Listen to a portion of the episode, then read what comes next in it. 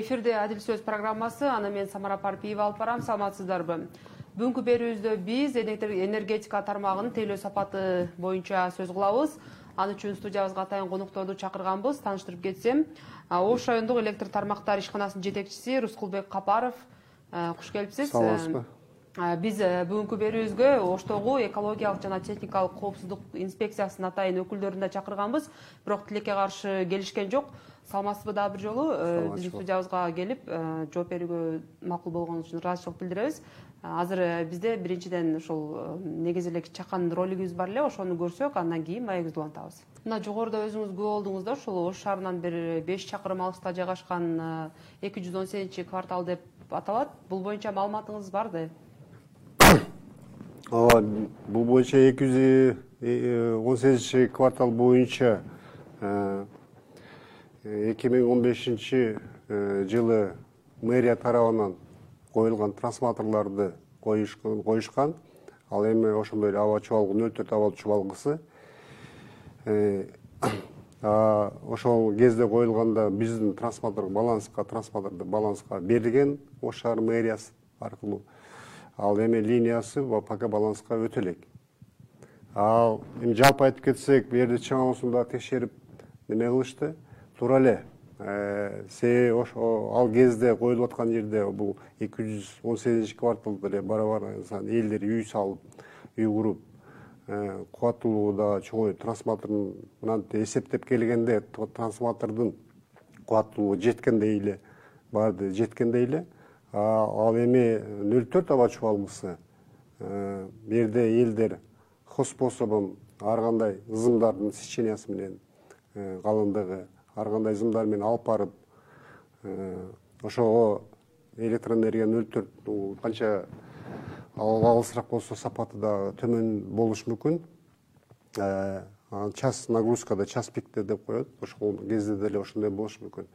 Ал эми э, бул нерсе көп маселе көтөрүлгөндө биздин адистер баары текшерилишкен. Трансформатордун өзүнүн чыккан жеринен текшеришти ал жерде напряжение неме чыңалуусун эсептеп өлчөп сапатына жооп бере турган чыңалуу чыгып атат. Ал эми элдерге абоненттерге жеткенден кийин узактыгы же баягы жогоруда айткандай зымдын сапатынын эптеп алып кеткенден кийин чыңалуусу азайып кеткен туура эле бул нерсе эки жүз он сегизинчи квартал элдер дагы көбөйүп атат чоңоюп атат айыл ошо үйлөр салып атат. Ал эми мэрия тарап менен э, ош райондук тармактар менен биргеликте эки миң э, он бешинчи трансформатор коюлса андан деле башка деле трансформатор биздин баланста турган трансформаторлорду э, керектүү ремонтторун өткөзгөн шакта болуп жатат. Ал эми быйыл деле кудай кааласа пландар бар дейбиз. Эми ош шаарда баардык айылдык башкармалыкта маптар дейбиз. Маптарда Э, өзүбүзгө коюлган пландар негизинде жумуштарды алып барабыз деп ойлойм. э, негизи эле айтсаңыз ушул э, бир гана бул эки жүз он сегизинчи кварталдын мына түптөлүп мындай айыл болгонуна он беш жыл болуп калыптыр да. Негизи эле бизде азыр мына ош шаары жылдан жылга өсүп атат кеңейип атат дегендей да жаңы конуштар көп да жаңы конуштарда жалпылап алганда абал кандай өзү? Ушундай көйгөй көп да эми жаңы конуштар боюнча бул ош шаарында бар маселелер. Маселе жок деп айтыш кыйын маселе бар. Ал үчүн э, биргеликтүү жергиликтүү бийликтер менен биргеликте бул жумушту жалпы жумушту алып барыш керек деп ойлойм. Э, баары эле электроэнергиянын ишканасы деген маселени деле алабызбы себеби э, бизде деле жаңы конуштарга деген маселе менен бизге каражат бөлүнүп бербейт. Ошого жергиликтүү бийлик менен биргеликте жумушту алып барсак мен ойлойм бул маселелерди чечсек болот. Биз ушул берүүнү даярдап жатып мындай көптөгөн мындай кызыктуу фактыларга түшүп болдук да негизи эле ошол э, мындайча айтканда азыр сиздердин балансыңыздарда болбосо караштуу болбосо сиздер жоопкерчиликтен алыстап калат экенсиздер да жоопкерчилик сиздерде болбой калат экен. Негизи эле ушул жергиликтүү бийлик менен мындай биргелешип иш алып барып элдин көйгөйүн чечүүгө кадамдар болуп жатабы? Айтайын дегеним мындай ортодо карапайым эл кыйналып калып атат да. Туура айтасыз. Жакшы суроо эдиңиз э, эми айта кетсек эми бир миң тогуз жүз элүү эки трансплант көмөкчү ордондор жалпы ош шаарында бар анын ичинде тогуз жүз жетимиш алты дананы бул ош райондук электр тармактарынын балансында. Биз аны тейлейбиз биз аны капиталдык ремонттор катардагы ремонтторду өткөзөбүз. Ал эми ошонун бир миң тогуз жүз жетимиш алты дана трансформатордун тогуз жүз эки дана трансформатору бул биздин баланста эмес. Жергиликтүү бийлик анын балансында эмес соц объекттин балансында элдердин балансында частный сектордун балансында. Ошонун да ичинде ош шаарында ош району электр тармактарынын ичинде жетимиш бир дана жетимиш беш болчу. Төрт дананы баланска алдык. Быйыл эки миң он тогузунчу жылы. Бул ошол баягы бесхозный деп коебуз эси жок эси жок көмөкчү чордондор э? эми эси жок көмөкчү чордондордун жетимиш беш данасынын ичинен төртөөнү эки миң он тогузунчу жылы баланска алдык азыркы учурда жетимиш бир дана ошо ээси жок трансформаторлор тейленип келет. Ал шаардын ичиндеки бул отуз дана бул ош шаарына карайт. Ал эми калган кырк бир дана трансформатору бул кара суу районунун айыл өкмөттөрүнө биз эми ош шаары шаардын чекесиндеки кара сууга районуна тиешелүү айыл өкмөттөр бар. Ошолорду дагы эми кара суу районуна караган менен бирок ош шаарынын электр тармактары тейлеп келет. Бул боюнча бизде деле макулбуз ошолорго биз деле бир салымыбызды кошуп биргеликте жумушту алып барайлы себеби ал трансформаторлор ээсиз болгону менен деле ал калк электр энергияны колдонот деген маселе болуп атат. Ошон үчүн биз ош шаарынын мэриясына кара суунун акимчилигине биргеликте кат түрүндө деле ар жылы берип турабыз но быйыл деле айта кетсек былтыртан бери ошол маселени көтөрүп дагы келип быйыл эле дагы февралдын баштарында ош шаарынын мэриясынын биргеликте ошо ош шаарынын мэриясына ошо сурандык тиешелүү жетекчилерди тиешелүү кызматкерлерди чакырып ушул көйгөйлүү маселелер жылдан жыл сайын баягы ушул көйгөйлүү маселени чечиш үчүн бир жолдорун табалы тездетели деген маселени көтөрүп чыктык эле. Демек сиздер ошол баягы эси жок э, көмөкчү чордондорду өздөрүңүздөрдүн балансыңызга өткөзүү үчүн аракеттер болуп атат э менин түшүнүшүм боюнча. Ошону эми жергиликтүү бийлик менен кошо биргеликте архитектура госстрой гостехинспекция биргеликте аймактык башкармалыктар менен биргеликте ошол жумуштарды аткарып атат азыркы учурда э, мэриянын буйруктары чыккан рабочий комиссиясы түзүлгөн. Ал боюнча жумуштар аткарылып атат. Негизи эле ошол жергиликтүү бийлик дейбизби ошол социалдык баягы өздөрүнүн жеке адамдардын балансында турат деп атпайсызбы? Кызыктарбы сиздерге өткөзүп берүүгө?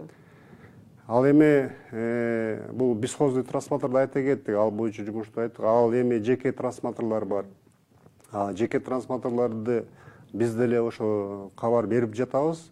Э, биздин баланска бериңиздер. Ошондой эле э, биз тейлейли биз карап берели себеби ал трансформатор карап турбаса ошол эле авария өчүүлөрдүн саны көбөйүшү мүмкүн сапаты төмөндөшүшү мүмкүн. Ошондой кызыккандар ким неме кылса өткөзүп бергендер бар. Ал эми анын өткөзбөйм жок мен өзүм эле карайм дегендер деле ал немелер адамдар деле болот. Негизи эле ушул эл үйүндө мисалы электр жарыгы өчүп калса биринчи кезекте эле ушул энергетиктерге кайрылышат да анан бирок баягы эл сиздердин балансыңыздарда болбосо болбой калган учурда сиздер кандай кадамдарга барасыз бир мындай элге жардам бересиздерби же биздин баланста эмес деп? Албетте андай учурлар көп эле болот. Ал эми калк алабы же башка неме адамдар алабы ага карабай биз кызматкерлер ушундай э, көйгөйлүү маселелерди оңдоп карап э, электр энергияны берүү маселесин карап берет. Бул жерде бир маселе чоң маселе бар. Аны эми карап беребиз. Э, убактылуу жасап бериш мүмкүнбүз электр энергияны берип ал кийин айтабыз. Мына мына жарабайт экен муну алмаштырганга туура келет деген маселе бар. Себеби биздин карамагыбызда эмес. Биз ага жабдыктарды ошого иштеткенге жол бербейт мыйзам жол бербейт. Ошон үчүн элдерге деле айтып атабыз биздин баланска карабызга өткөзүп бергиле биз деле ошону плановый жумуштар менен биргеликте ошо жумуштарды аткарып берели деген маселелер болуп атат. Негизи эле ошол жана өзүңүз айтып кетпедиңизби жетимиш бир дана ушул баягы эси жок эч кимге караштуу эмес трансформаторлор бар депчи. Алар буга чейин тейлөөсү кандай болуп атат? Кантип бузулуп калса ким оңдойт аны эси жок болсо эми ал жерде э, чын эле айтыш керек ал жерде э, бир спонсорский немелер чыгышы мүмкүн э, элдер өздөрү неме кылышы мүмкүн же болбосо баягы частный энергетиктерди жалдап оңдотуп каратып жүрүшү мүмкүн баягы ошондой маселелер бар да. Ошон үчүн ошондой маселе болбосун деп ошону тез арада ошол эле именно маселе каерде болуп атат именно буну кабыл алам албайм деген маселе эмес. Бул жерде э, бизге инженердик техникалык документтерди эле даярдап берсе мисалы ошо мэрия менен биргеликте иштеп атабыз деп атпаймынбы? Тиешелүү адистер менен. Архитектура тарабынан ошол трансформатордун турган жерин бизге архитектура ушул трансформатор ушул жолдо ушул жерде туруш керек деген маселе болуп атат себеби азыркы учурда ушундай учурлар болуп атат баягындай ситуациялар трансформаторду жылдыр бердим. Мен огородума туура келиптир мен бул жагыма туура келип калыптыр деген маселе. Ошон үчүн ошондой архитектуралык документтерин кабыл жасап даяр болсо эле биз аны баланска алып тейлегенге даярбыз негизи эле ушул бизде азыр баягы айтып кетпедимби жаңы конуштар мындай көп депчи себеби шаар өсүп атат. Ошол жаңы конуштар пайда болуп атканда биринчи кезекте кандай иштер аткарылышы керек. Айтайын дегеним баягы бизде кандай болот? Биринчи үйлөр салынат андан кийин ушул инфраструктура ушундай маселелер каралат да социалдык объекттер дегендейчи. Анан негизи эле ушул электр сиз өзүңүздүн багытыңызды айтсаңыз энергетика тармагында биринчи ушул электр чуалгылары коюлуп э, көмөкчү чордондор орнотулгандан кийин гана конуштар түшүш керекпи? Бул деле туура туура туура маселени көтөрүп атасыз. Э, бул жерде э, эгер эрежемен карап э, мисалы чек берилип аткан болсо ошол эле жолун электроэнергиясын суусун газын бүт баары чечилгенден кийин жерлер бериш керек деп ойлойм себеби өнүккөн өлкөлөрдө ушундай эле болуп келет келет. Бизде эми кандай?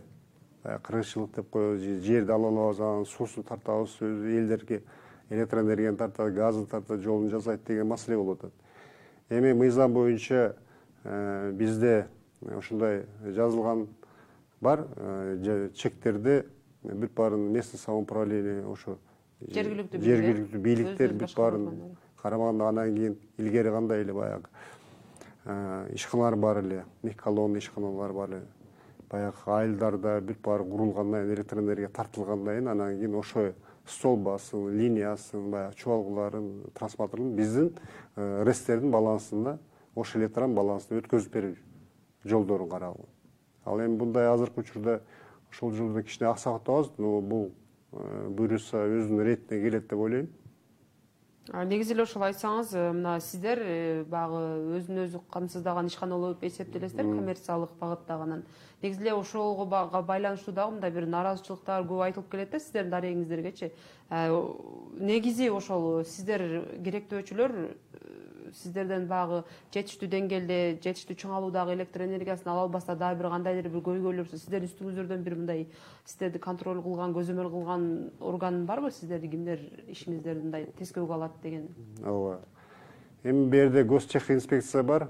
Э, ошо адистер Э, ошо биз ишканаларга плановый жумуштар менен келип текшерүүгө э, болот. Ошол кезде бүт ошо жабдыктарыбызды э, райондук электр тармактары жумушту аткарып атканда тех документациядан баштап калган оборудованиясын жабдыктарга чейин бүт баарын текшерип өзүнүн предписанияларын берет.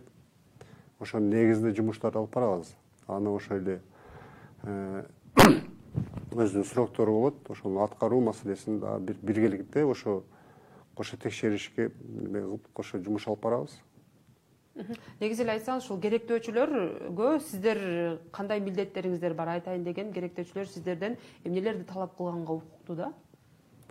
Эми э, бул нерсе эми биз өзүбүз эле раз ушул тармакта жумуш алып баратканда биринчиден бул коопсуздук керек. Коопсуздук.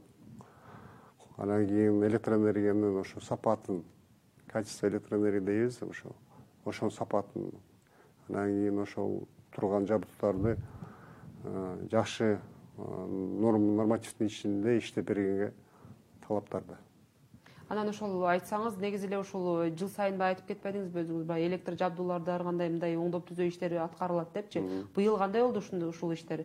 Себеби өчүрүүлөр кандай болду мына жаз келип атат кышта кандай чыгып алдыңыздар дегендей. Эми буюрса э, бир күн болсо деле бул кыш болуп эсептелет энергетиктерге эми жалпы энергетиктерге айтып атам. Бирок э, электроэнергиянын ош шаарындагы штаттык режимде иштеп жатабыз. Э, быйылкы эми жылдан жылган сайын үчтөн беш пайызга чейин потребление электроэнергия көп алып атабыз. Тенденция баягы потребленияны көп колдонгонго анан кийин бар эми авариялуу өчүрүүлөр болбойт деп айтыш кыйын. Себеби жабдыктарыбыз дагы эскилиги жеткендер дагы бар. Себеби биз реконструкцияны жасаганда бул аябай азыраак болуп атат. Эми баягы акча каражатка байланыштуу бар. Ал эми оңдоо катардагы капитальный ремонтторду бүт баары ошо жасагандан кийин ошо кышта ушул жабдыктар жакшы иштеп берсин деген ойдо ушундай өткөзөбүз. Жалпы эми мисалы потребление электроэнергияны айтып кетсек э, быйыл ошо былтыркыга салыштырмалуу үч төрт беш пайызга чейин көп алабыз алып атабыз. Тенденция рост бар да ар жылы. Эми аны түшүнөбүз. Жайында деле кышында деле деле жайында деле ошондой болуп атат. Себеби баардыгы эми Э, үйлөр салып атканда деле баардыгы. Этажный этажда жашаган менен жери үйдө жашаганда бирдей эле болуп калды деп ойлойм. Баары условий менен жашагысы келет. Э, жаңы технологиялар келип атат ошол эле аристон жылуулук деген маселелер болуп атат.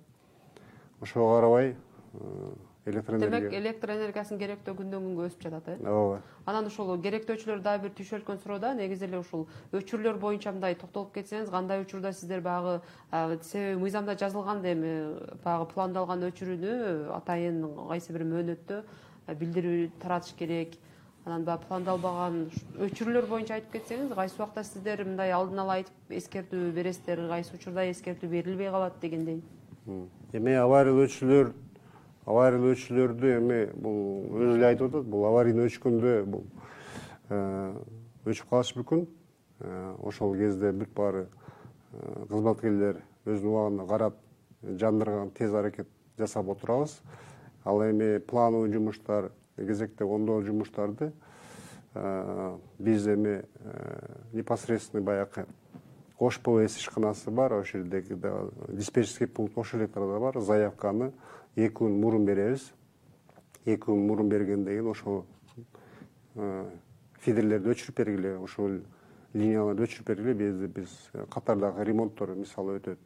Ошондо эки күн мурун берип заявкаларды утверждать этип тактап андан кийин эми баардык калкка айтыш жеткизиш кыйыныраак.